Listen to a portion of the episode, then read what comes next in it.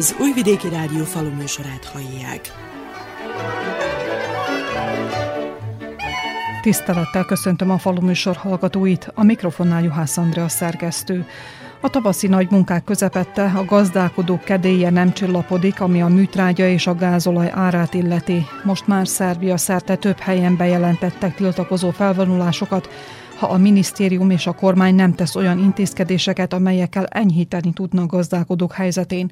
Sokan hangoztatják, hogy nem egyszeri segélyre és kamattámogatásra van szükség a szerbiai agráriumban sokasodó gondok megoldására, hiszen ez csak tűzoltás, hanem egy rendszerbeli változásra van szükség ahhoz, hogy az ágazat biztonságos és kifizetődő, tervezhető legyen, üzenik a termelők. A tavaszi vetés a befektetések 60-65 át jelenti. Ez ezért nélkülözhetetlen a támogatás, a szubvenció, a terület alapú kifizetés. A termelők szerint legalább 200 eurós hektáronkénti juttatása van szükség ahhoz, hogy nyereséges legyen a termesztés. A minisztériumban azt megígérték, hogy legkésőbb március 10-éig folyósítják a támogatást a bejegyzett gazdaságoknak. A jövőben pedig kérdéses, hogy mekkora lesz az agrárbüdzsé, ami szavatolni tudná a fejlődőképes gazdálkodást. A halmozódó gondok ellenére a munkákat fontos elvégezni, hiszen a februári enyhe időben sokasodnak a kártevők, a megszokottnál korábban kell megkezdeni a növényvédelmi beavatkozásokat, mondta Bábics Andrea, a Zentai mezőgazdasági szakszolgálat mérnöke. Megindult a fölmelegedés, ezzel együtt megindult a vegetáció, ezzel együtt megindulnak a kártevők, kórokozók, a növényvédelem is megindul. Most már vannak kártevők, amelyek nagyon aktívak, mondjuk rá különböző ormányos bogarak a repcében, már egy két hete megjelentek, időjárástól függően, ha melegebb lesz, akkor már nagy valószínűsége jövő héten várható, hogy el kell kezdeni a védekezést. A gyümölcsösökben a csonthéjasoknak az olajos rezes permetezése most aktuális, mert ott is megindult a rügypattanás, föl kell készülni a termelőknek a, az ez idei munkákra. Korán érkezett a tavasz, és ezzel a gondok is? Majd meglátjuk, hogy mennyi gond lesz. Most egyenlőre, ha így folytatódna, akkor ez normális lenne, viszont egyes helyekről hallom, hogy majd márciusban várhatunk fagyokat, az nagyon nem lenne jó. Tavaly is, tavaly előtt is lefagytak a csonthiasok nagy része, sőt az almatermésűek is. Korai fagyok azok nagy károkat tudnak okozni, késői áprilisi fagyok is. Léteznek-e esetleg olyan megoldások, amelyek lassíthatják a rügypattanást? hidegebb idő lassítsa a rügypattanást. Kémiai módot nem tudok rá. No most, a, hogyha fagy ellen ugye virágzásban legérzékenyebbek a növények, vannak egyes szerek, amelyeket, hogyha előtte ki vannak juttatva, egy-két fokot tudják még biztosítani a növénynek, hogy kibírja azt a egy-két fokkal kevesebb hőmérsékletet minden évben egyre összetettebb és összetettebb a növényvédelem. Akár a gyümölcstermesztő, akár a szántóföldi növénytermesztő gazdák figyelmét mire kell fölhívni, hogyan hozzálátni a növényvédelemhez, hogyan alkalmazni a készítményeket, milyen szabályzatokhoz kellene, hogy tartsák magukat. Mint minden országban nálunk is az egész növényvédelmet törvények határozzák meg, különböző iratok, ami szerint el kellene járni, nagyon fontos ezeket betartani. Az alapvető az lenne, hogy akkor permetezni, amikor szükség van rá, olyan vegyszerrel, amikor szükség van rá, amelyekkel lehet és engedélyezett, amelyek erre le vannak regisztrálva. Ebben segíthet a növényvédő előjelző szolgálat és különböző növényvédő mérnök kollégák. Személyes védőfelszerelésnek a használata nagyon fontos, és a környezetet is közben védeni kell, betartani az egészségélelmezésügyi várakozási időt, a munkaegészségügyi várakozási időt, megfelelő biztonságos távolságra legyen a permetezés a talajvizektől, a különböző folyóktól, kanálisoktól, tehát sok minden van, amire oda kell figyelni. Hogy kell a, a vegyszereket tárolni, az üres flakonokat hogy kell megsemmisíteni, hova lehet őket elvinni, és ez mind törvényileg van meghatározva. 19-ben írták bele törvényben ez pontosan most lépett volna hatályba, január 1-től, de még hiányoznak egyes ilyen rendeletek, amelyek még jobban meghatározzák, hogy hogy lesz ez az egész regulálva. Termelőknek, akik majd vegyszert fognak használni, ahhoz lesz kötve ezeknek a használata, hogy egy előadáson, egy kurzuson vegyenek részt, ahol tanúsítványt fognak kapni arról, hogy tehát edukálva vannak a, az alapfogalmakról, ami a növényvédelmet illeti. Ön, mint szakember, hogyan látja, változik-e egy kicsit a hozzáállás, akár a gazdák, vagy pedig a földművesek oldaláról, ami a növényvédelmet illeti? Én úgy látom, hogy igen, változik. Egyrészt változnak a különböző törvények is, változik eleve a hozzáállás a környezethez, a környezetvédelemhez is, az olyan mérgek, amelyek erősen környezetszennyezőek voltak, már be vannak vonva, úgyhogy nincsenek is forgalomba. Az összes többihöz fontos tudni a biológiáját a kártevőknek, kórokozóknak. Lassan ez a növényvédelem egy nem programszerű, hanem egy célirányú, tudatos védekezési, egy integrált védekezésé fog válni, amely ugye erősen környezetkímélő is. Én gondolom, hogy meg ez a tapasztalat, hogy ez, ez, ez irányba, és a fiatalabbak fogékonyabbak is az ilyen újításokra szeretnek edukálódni is, úgyhogy változnak.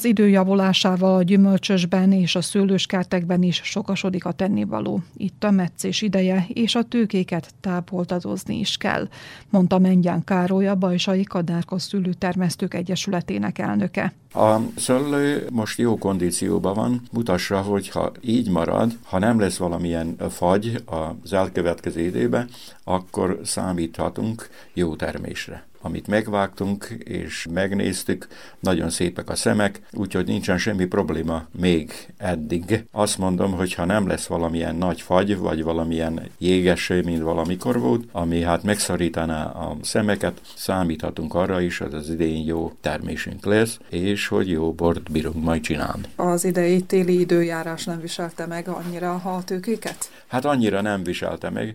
Egy alkalommal esett az eső, és ráfagyott, de nem volt annyira nagy fagy, hogy nagyobb kárt csinált, mert biztos, hogy valamennyi kárt azért csinált benne a szemekbe, de ahogy megvágtuk, úgy látjuk, hogy nincs olyan nagy probléma milyen teendők várják a szőlészborászt? Azt mondják, hogy minden nap ki kellene jönni a szőlésbe, és akkor megnézni, hogy fejlődik a szőlő. Akinek nagyobb darabja van, annak már megkezdődik a meccés. Idejébe be kell fejezni a meccést, hogy a szőlő bírjon fejlődni.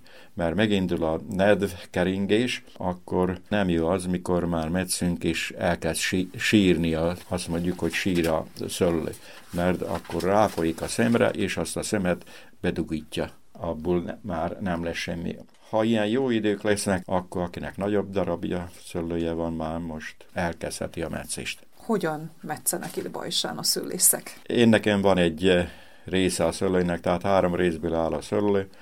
Van egy eh, öreg része is a szőlőnek, ilyen bakhátú megművelés. Tehát azt úgy szoktuk eh, csinálni, hogy kettő szemet hagyunk, ami majd a termés lesz, és egy szemet hagyunk, ami majd jövőre fog teremni. Tehát amit meghagyunk majd, és akkor jövőre majd úgy metszik. Hát a többit van egy magas művelési, mind a fűz, ottan négy-öt szemet szoktam meghagyni, de csak azokon a veszőkön, amik lefelé mennek. Tehát ami a főt felé megy, ami a fölfelé megy, azt hát le kell vágni, mert de mind a szomorú fűzfa az úgy lehajlik. A meccés mellett a tavaszi tápanyag utánpótlásra, vagy pedig esetleg a növényvédelemre kell készülni? Persze, majd alaptrágyával meg kell trágyázni a szöllőt, figyeljük, hogy mikor kell permetőni. Nem volt olyan borzasztóan nagy hideg, úgyhogy a kártevék azok meghúzódtak a szellőn. Mikor megjönnek a jó idők, azok elkezdenek dolgozni, és azokat meg kell ölni, hogy minél egészségesebb legyen a szőlő, ami majd teremni fog a szőlősbe. Mengyán Károly pár évtizede azért szőlészkedik és borászkodik. Mi a tapasztalat? Mennyit változott, vagy változott-e a szőlőművelés technológiája az elmúlt években, évtizedekben? Megváltozott, mert valamikor ugye betakarták a szőlőt, ezt a bakhátas szőlőt, hogy ne fagyjon meg, Sajnos erre már mostan nem nagyon csináljuk azokat a dolgokat. Permetezéssel vigyázunk, hogy a szőlő minél jobb eredményt érjen el. A szőlőskertjében milyen fajták vannak? De legtöbb rizlingen van, van egy részén zsuplánka, aminek magyar neve nincsen sajnos, és van egy része Cabernet Sauvignon, amiből én bort szoktam csinálni. Valamikor úgy voltunk róla, hogy csinálunk ilyen bort is, meg olyan bort is, mert ez is jó, meg az a bor is jó. Ma már azért, ha másképp csinálnánk, akkor talán csak egyfajtát csinálnánk, amiből jó bort lehet előállítani, azért, mert az igények megváltoztak. Valamikor ugye az embereknek amilyen borjuk volt, az mindenkinek jó volt, ma már nem olyan az idő, az emberek meg tudják válogatni, hogy melyik az a bor, amit szeretnének meginni holnap is, meg mondjuk rá új évkor is. Sokasodik a munka a szülősben, de azért az igazi borász az a borpincében is tevékenykedik. Ilyenkor hát, a tél második felében mi teendő van, hogy minőségét is megőrizze a bor? Itt Bajsán nem nagyon vannak kint a szőlőkben borpincék, de otthon a háznál, akik foglalkoznak még most a szöllészettel, azoknak van otthon pincéjük.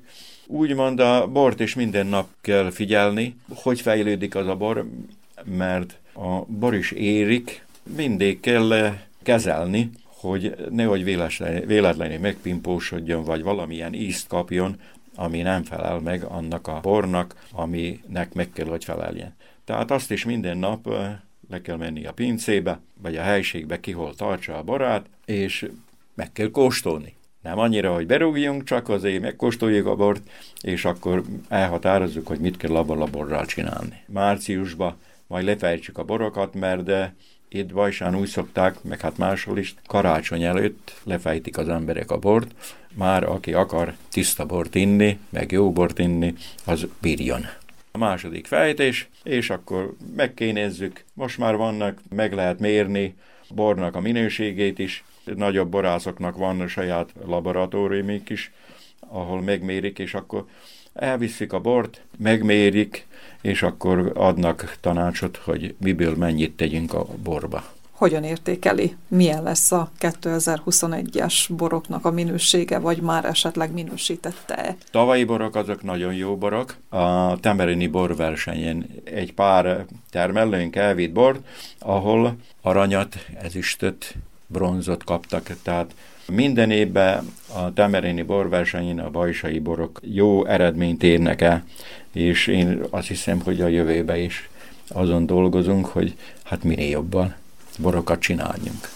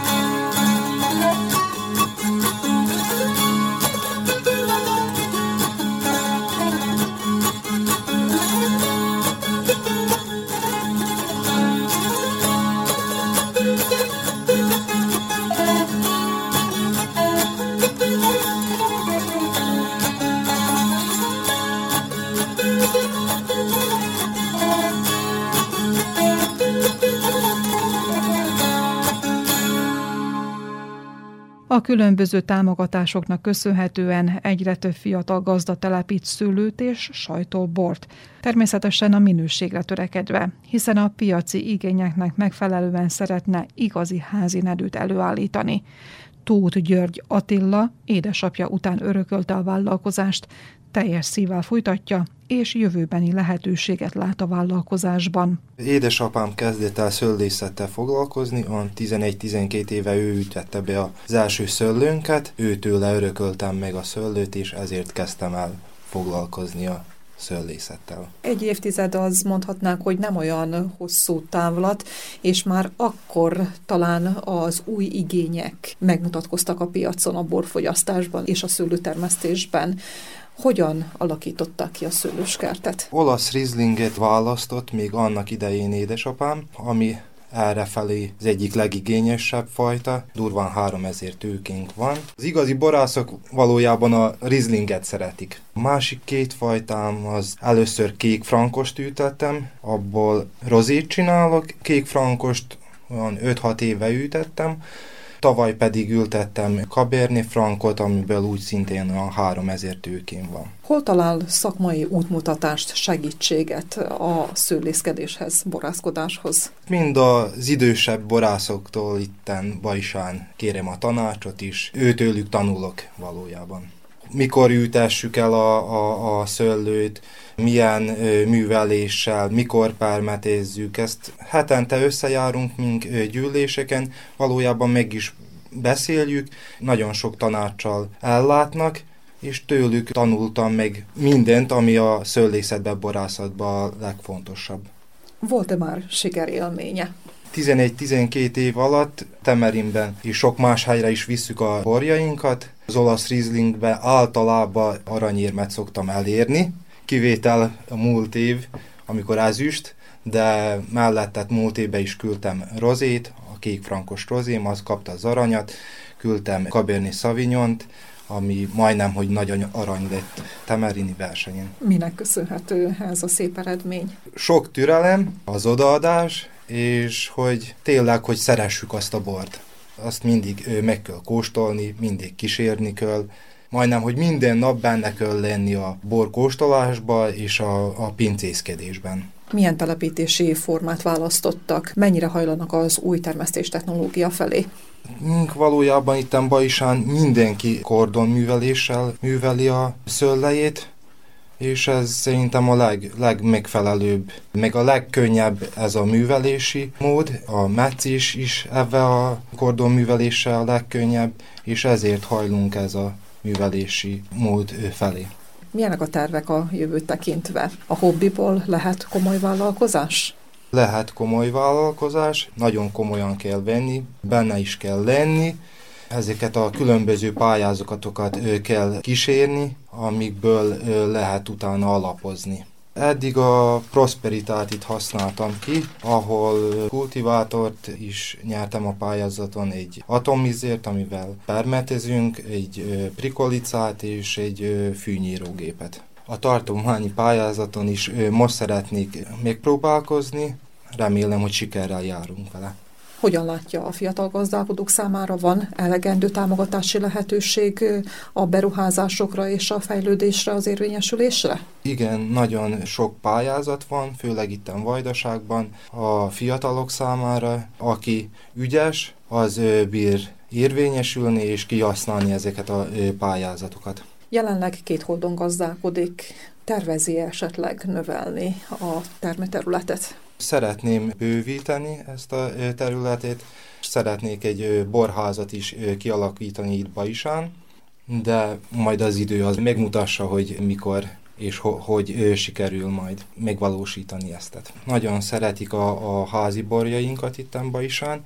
Sok vevőnk van itt a környéken, különböző falukból jönnek erre is vásárolják tőlünk a, a házi bort mivel sokkal üdébb, telibb borok ezek a mi házi borjaink, mint amiket meg lehet a boltokban venni, ezért nagyon jól el is bírjuk őket adni. Például én, amit megtermelek az évben, azt a következő évig majdnem mindet el is bírom adni. Borkészítésnél házasítással esetleg próbálkozik-e, vagy pedig a távoljövőben elképzelhető egy olyan védjegy, hogy Tóth György Attila bor? A távol jövőben elképzelhető.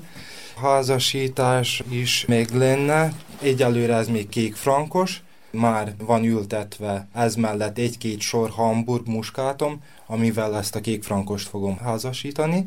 A védjegy pedig hát az mind attól függ, hogy oda kell pincészet, borászat, ez mind a, mind a jövő titka.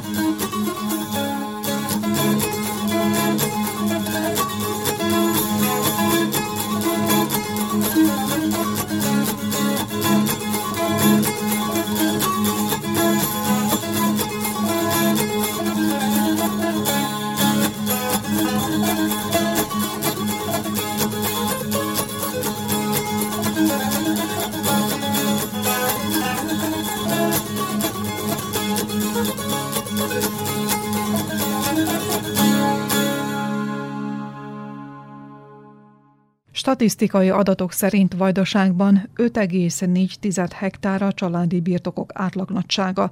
Természetesen a gyakorlat eltér a statisztikától, hiszen legtöbben az 1 és 4 hektár közötti területen gazdálkodnak.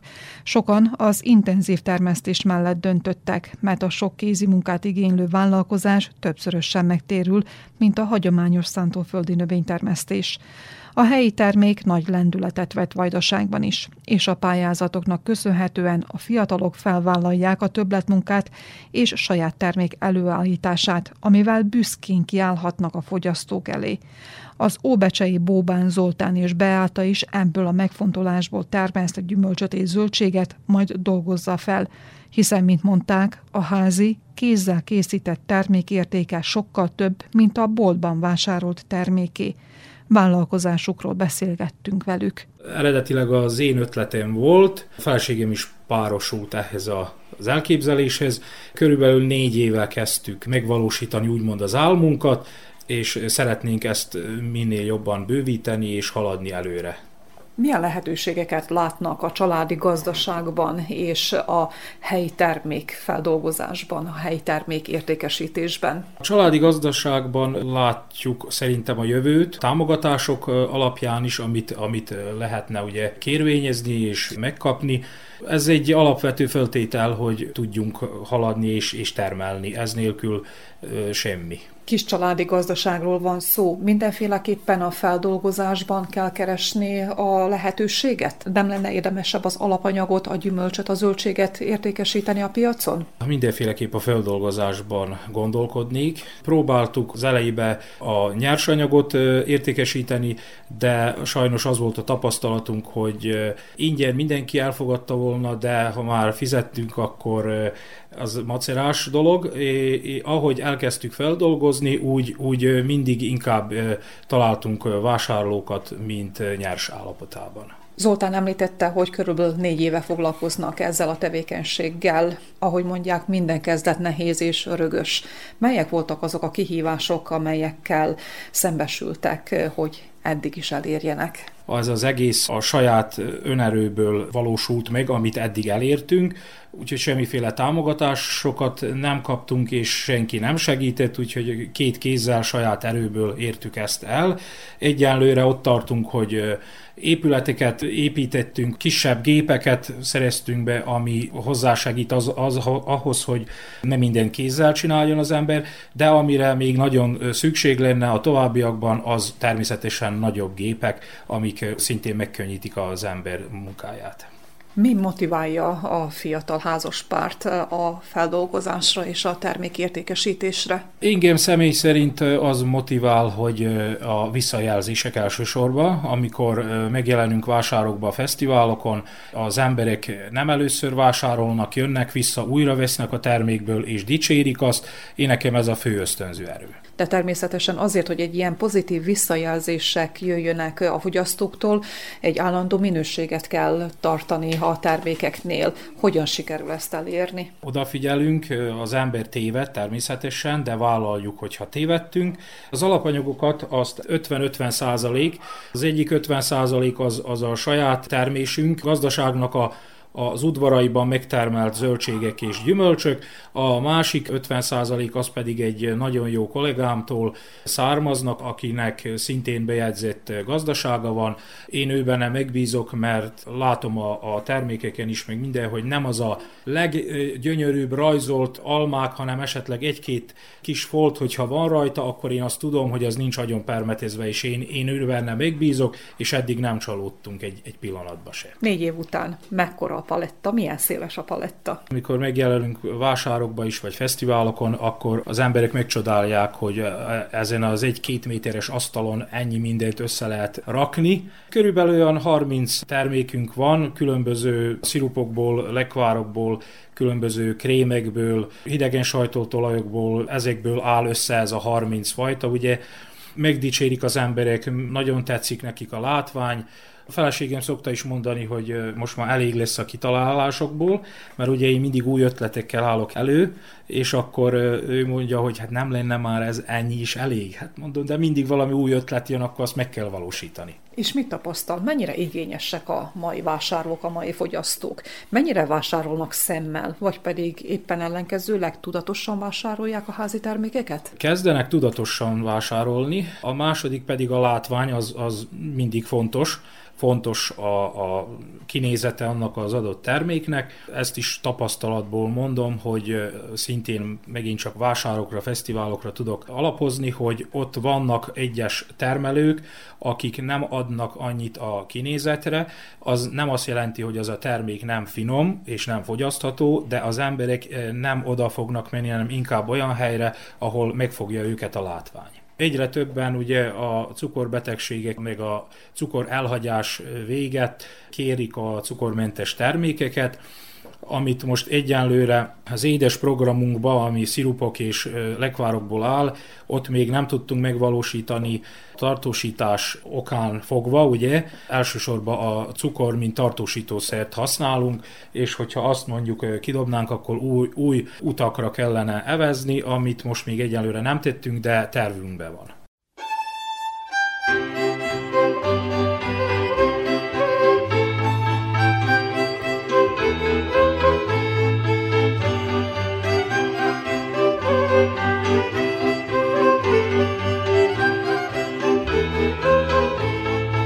Ha már a tartósításról beszélgetünk, akkor mondjuk el, hogy előkerültek a nagymama receptjei, amikor alakuló fázisban voltak a termékek? Bőven előkerültek a nagymama termékek, sőt, akármikor anyukám készítette gyermekkoromban a sok édes lekvárt, vagy éppen a szirupot, vagy bármit, akkor mindig oda húzott hozzá, ami akkor még nem volt nagy öröm számomra, de így utólag ezt nagyon értékelem, hogy akkor maga mellé állított, és nagyon sok mindent megtanultam az életben, és ezt most nagyon ki tudom használni nem gyorsan főzünk, hanem időt adunk neki, azért a szeretetet is nyilván beletesszük, de nyilván az, hogy nem kapkodjuk el a dolgokat, vagy, vagy nem levesszük a polcról és összedobjuk, hanem elkészítjük, tehát adunk neki időt. Mi beszoktuk vonni a gyerekeket is ebbe, hogy hát lássák ugyanazt, amit mi láttunk a szüleinktől, vagyis hogyha oda voltunk mi is fogva, hogy hát mégis legyen fogalmuk róla, hogy az nem a lekvár, a, például a lekvár az nem az üvegbe születik bele, hanem azt elő kell készíteni, és akkor nyilván összeválogassuk, megmossuk, meghámozzuk, ha kell, kimagozzuk, főzzük. Fiam az már igen nézi, kérdez, és akkor tudom bár, hogy továbbiakban majd neki is lesz fogalma, hogy ez hogy is készül. És a gyümölcsnek, a zöldségnek az igazi ízvilágát hogyan sikerül megőrizni hosszabb ideig a tégelyekben? A savanyítással, hogy tehát próbáljuk frissen eltenni, tehát nem állott termékekből állítjuk elő, hanem amit például a fokhagymát is, hogyha megpucoljuk, azt rögtön, rögtön feldolgozunk, nem pedig várunk egy pár napot. Arra azért odafigyelünk, hogy minőséges legyen a fokhagyma is, hogy ne ilyen olyan, aminek nincs aromája, ami, ami nem érződik úgy ki. Paprikát is csak olyat választunk, aminek finom íze van, jó vastag húsa, ezek nagyon fontosak ahhoz, hogy finom legyen. Termékpalettájuk bizony eléggé széles, mégis önnek melyik a kedvence, inkább a lekvárok, vagy a befőttek, vagy éppen a szörpök, szirupok? Nálam a szirupok és a, a hosszan főzött legvárok. Például anyukám is nagyon sok szirupot főzött az abban az időben, hogy egészséges életmód. Persze, hogy mikor jönnek hozzánk is, akkor sokszor hát megkínálom, akkor hát persze, hogy mindjárt azt mondják, hogy fősorolom a, a széles választékot, és akkor mindjárt mondja, hogy annyi, vála, annyi van, hogy nem tud benne választani. Tehát a végén akkor csak végül kijön, hogyha ide teszem elébb, akkor rámutat az egyik üvegre, hogy ő azt kéri. Említette Zoltán és Beáta is, hogy fesztiválokba, vásárokba járnak értékesíteni. Mégis mennyire nehéz az értékesítés? Mennyire nehéz megtalálni a piacot a termékekkel? hiszen azért a környezetünkben pont köszönve a különböző támogatásoknak is a kisgazdaságok érvényesülési lehetőségének nagyon sokan az utóbbi időben belekezdtek hasonló jellegű vállalkozásba. Belekezdtek sokan, de még mindig nincsen, nincsenek annyian, hogy, hogy beterítsék a piacot. Én szerintem az emberek elsődlegesen úgy válogatnak, hogy természetesen azon kívül, hogy tetszen is nekük, hogy esetleg ismerősöktől, vagy ahol élnek városban, azoktól az emberektől vásárolnak. Aztán pedig, hogyha ilyen vásárokba megjelennek, akkor én szerintem megint csak visszatérve az előző kérdésre, hogy a kinézet, az nagyon fontos, az alapján választanak, és aztán pedig hát következő alkalommal, hogyha tetszett az ízvilág, akkor természetesen oda mennek vissza. Az nem jelenti azt, hogy máshol nem próbálják meg, de hát ugyanúgy, mint a, a boltokban is, ahogy vásárolunk, és megkóstolunk egy-két dolgot, aztán el tudjuk dönteni, hogy melyiket fogjuk legközelebb is venni, és szerintem ö, egyenlőre így döntenek az emberek ezek a házi termékek terén is, mi a terv? Hogyan fejleszteni tovább a vállalkozást? Bár most ugye az építkezésben és a különböző berendezések, nagyobb berendezések beszerzésében is vannak. Én úgy tudom elképzelni, hogy az ember hivatalossá tegye mindezt, amit most is csinál, az értékesítésben is és a gyártásban is minden stimmeljen, ahol, ahogy kérik a törvényben. Ugye olyan nagy céljaim, hogy most ez gyári feldolgozás legyen, én azt nem szeretném, mert én szeretnék a manufaktúránál vagy ilyen kézzel készített dolgoknál maradni, csak amennyit megkövetelnek, annyit kellene, ami, ami illeti az ilyen gépesítéseket és az eladást, vagy a törvényeket betartani, az, az rendben van, de nem szeretném gyári dologgá átváltoztatni ezt az egész vállalkozást. Tehát maradnak helyi kisgazdaság. Igen, azt szeretnénk annyival, hogy ugye bővüljön a eladás terén, meg, meg a vállalkozás terén, de nem szeretnénk iparosítani.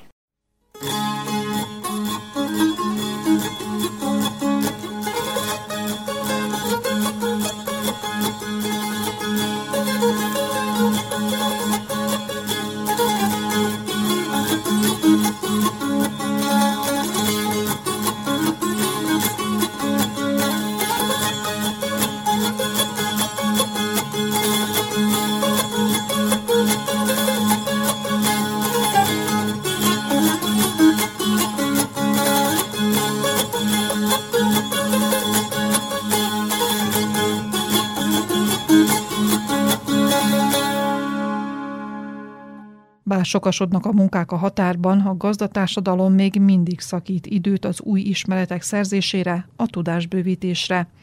Óbecsén minden hétfőn este tartanak szakmai előadást a Vajdasági Agráregyesületek Szövetségének keretében működő falugazdász Csernyakóba közreműködésével. Óbecsén a gazdáknak fontosak az ilyen előadások. Minden előadásra nagyon nagy az érdeklődés. Sajnos a vírushelyzet véget, ugye tavaly online mentek ezek az előadások. Már ott is rengeteg néző volt, illetve gazda, akit érdekeltek a témák. Próbálunk olyan témákat keresni, amik ugye aktuálisak, illetve a gazdákat is érdeklik. Ezt úgy oldjuk meg, hogy megkérdezzük a gazdákat, hogy mi az érdeklődési körük, és akkor ezáltal tudunk mi is olyan cégeket felkeresni, akik olyan dolgokat tudnak prezentálni a gazdáknak, amik érdeklik őket. Az idén mi volt az a legfontosabb, ami érdekelte a gazdákat? Tudjuk azt, hogy évekkel ezelőtt ugye az új hibridek és a fajták, most viszont inkább a gépészet és inkább a talajmegművelés? Ugye mindig aktuálisak a magházak, azután mindig nagy az érdeklődés, ugye itt vetés előtt főképp. Ez mellett idén, most februárban indítottuk el ezeket a, a, az előadásokat.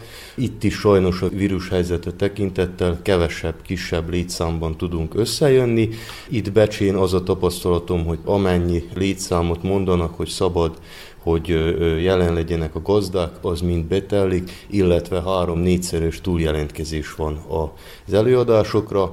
De ugye több előadást tartunk. Itt az első előadás azt az Agrotech munkatársai adták elő, ők a GPS technológiát mutatták be a gazdáknak. Nagyon érdekes volt, elhoztak egy állványon lévő GPS-eket, két fajtát, a legújabbat, legmodernabbat, illetve egyet, amit már használnak a termelők, illetve nagyon népszerű GPS, és ott is mutattak egy-két dolgot, illetve kérdésekben benne volt, ha valamit a gazda nem tudott rajta beállítani, szívesen segítettek neki, megmutatták ezzel is ugye informálták, segítették a, a termelőket. Ön hogyan látja, változik egy kicsit a növénytermesztés itt Becse községben? Igen, azt vettem észre, hogy a fiatalok, illetve az idősebbek is nagyobb érdeklődést mutatnak a, a precíziós ültetés felé, illetve a modernizáció felé. Az véget, mert egy modern GPS technológiával felszerelt traktorral sokat tudnak spórolni, úgy üzemanyagot, úgy műtrágyát, és szerintem ez váltsa ki azt az okot, hogy ekkora legyen az érdeklődés ezek iránt.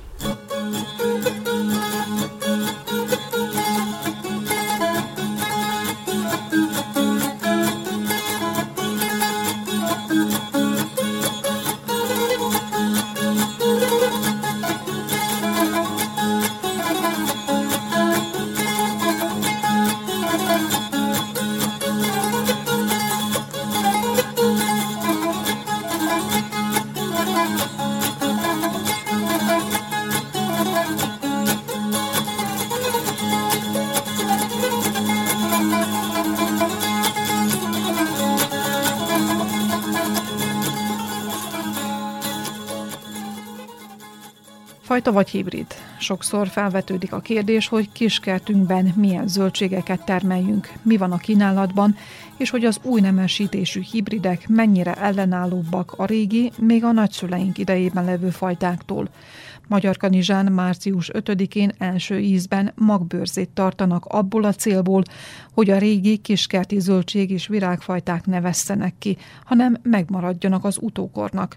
A rendezvényt a Metaterra civil szervezet és a Bioalternatíva szervezi mondta a Randovics a Leila, a cég társtulajdonosa. Magyarországi magbőrzéknek a mintájára szeretnénk itt is azt a hagyományt elindítani, ugye, hogy a kiskertekbe rejlő magokat ugye egymás között megcseréljük, meg szaporíjuk, ugye a magoknak a sokszínűségét, úgyhogy ez volt az alapötlet. Másik meg ugye, hogy saját magunk is van, zöldség magunk, nem tudtuk eladni, de viszont szeretnénk, hogy mégiscsak értelme legyen annak a magnak, amely címek termelődött, 15, meg még mindig csíra képes, mert a zöldségmag 5-6 évig is csíra képes. És akkor ez volt az apropója, hogy akkor el fogjuk a magbőrze keretein belül osztani, meg hogyha másoknak is esetleg vannak magjai, akkor mi is ugye maghoz tudunk jutni, úgyhogy ez volt az alap gondolat. Kinek szól ez a felhívás? A nemesítőknek, vagy pedig éppen a fajta fenntartóknak?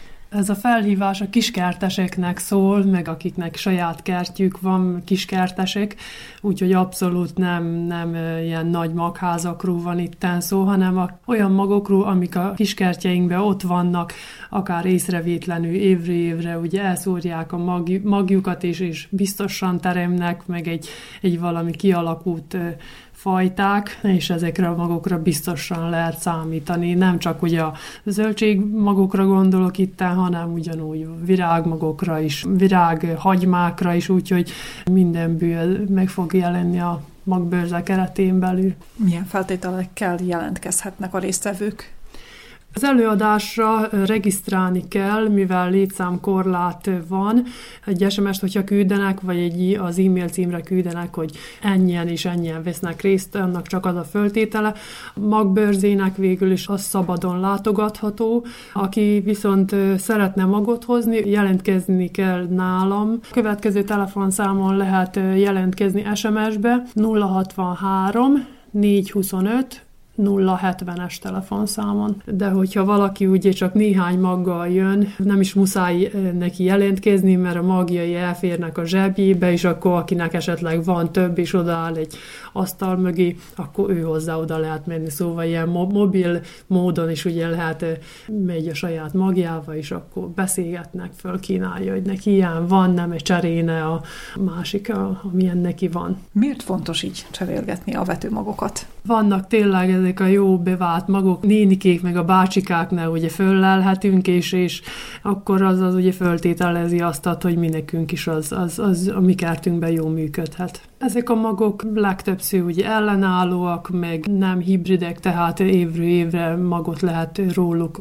nyerni, és ezt vissza lehet vetni. Hol lesz megtartva a Magyar Kanizsán magbőrze? Az első Magyar Kanizsai magbőrze Kanizsán a színház teremnek a, az előcsarnokába vagy folyosóján lesz megtartva. A színház teremben meg ott magában lesz az előadás. Három előadónk lesz. Az első Bödő Kálmán bácsi, a Magyar Kanizsai Ökokert Mozgalom vezetője, mint a kertje van neki, meg bióba termel. Ő a az ökokert mozgalomnak a, az elmúlt évi, évi munkájáról beszél röviden, utána Nagy Tibor lesz, bioalternatív előadója, ő az egészséges talajokról fog beszélni.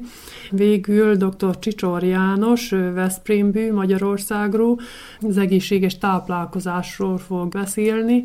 Ő egy nagyon elismert szakember, nagyon érdekes előadásra számíthatunk tőle.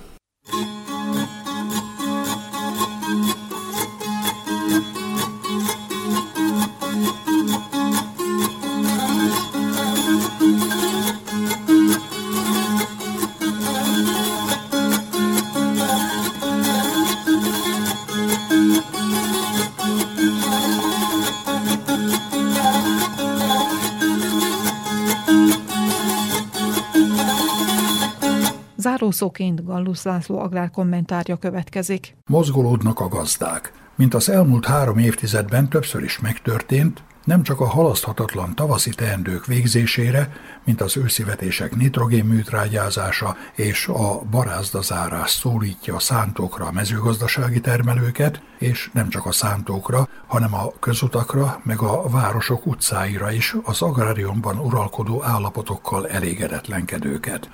Az elégedetlenséget a termelési költségek megfékezhetetlennek tűnő növekedése váltotta ki, amit a kormány és a szaktárca kamatmentes hitelekkel igyekszik enyhíteni input anyagok vásárlására. Nem újdonság a gazdák elégedetlenkedése, mondhatnánk ezt akár jogosnak is, csak hogy az elmúlt években, évtizedekben kizárólag a kedvezőtlen terményárak, továbbá a tej és a vágóállat lebecsült értéke nem utolsó sorban a bizonytalan felvásárlás váltotta ki megmozdulásaikat.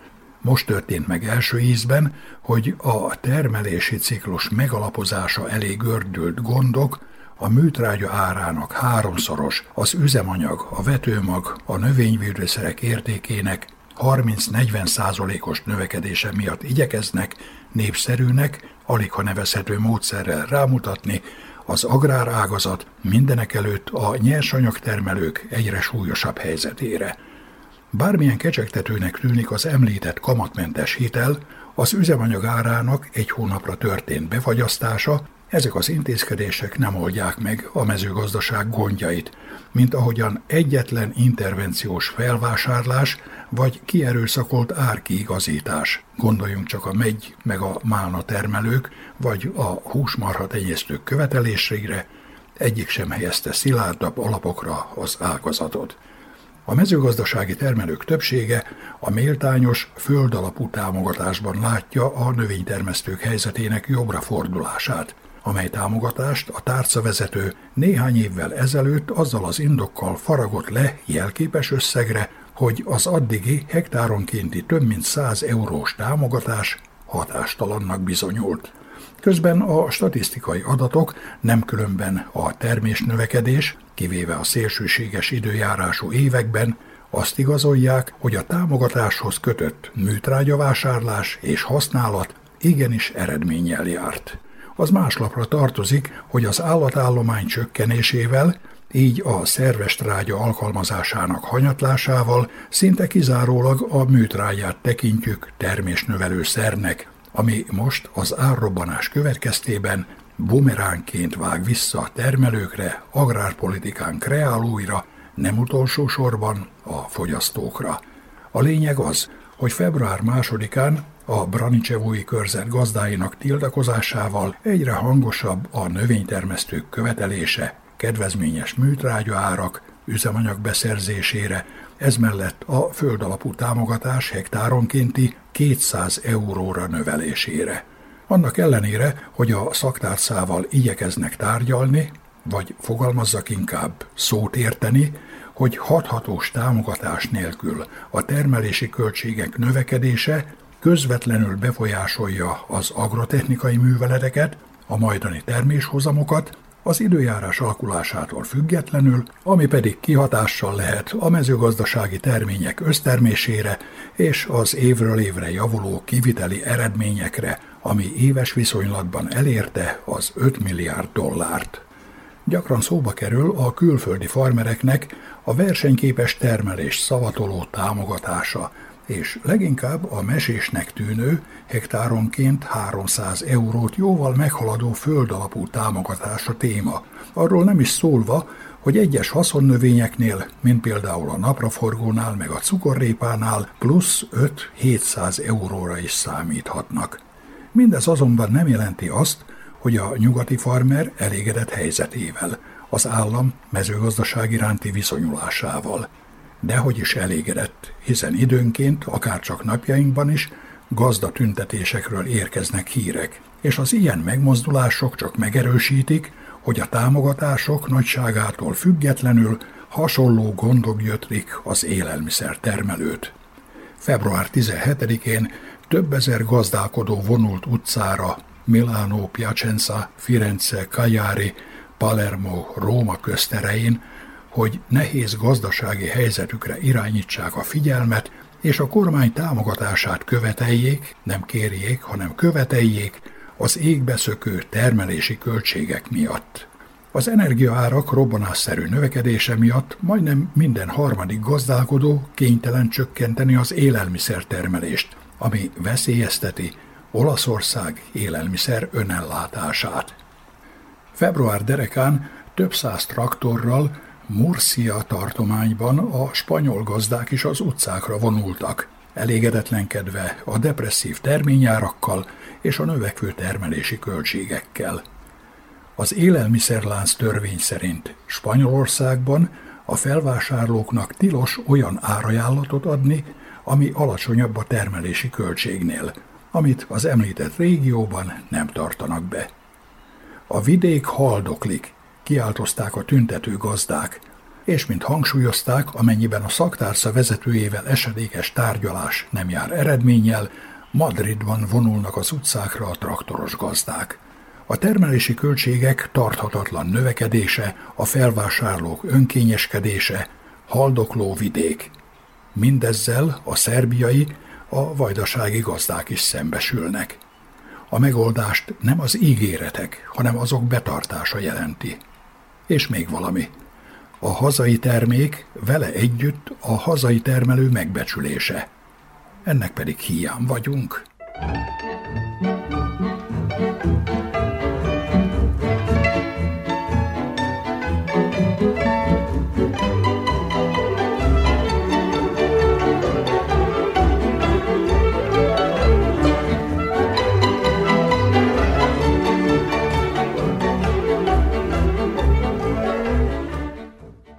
Kedves hallgatóink, falu műsorunkat sugároztuk.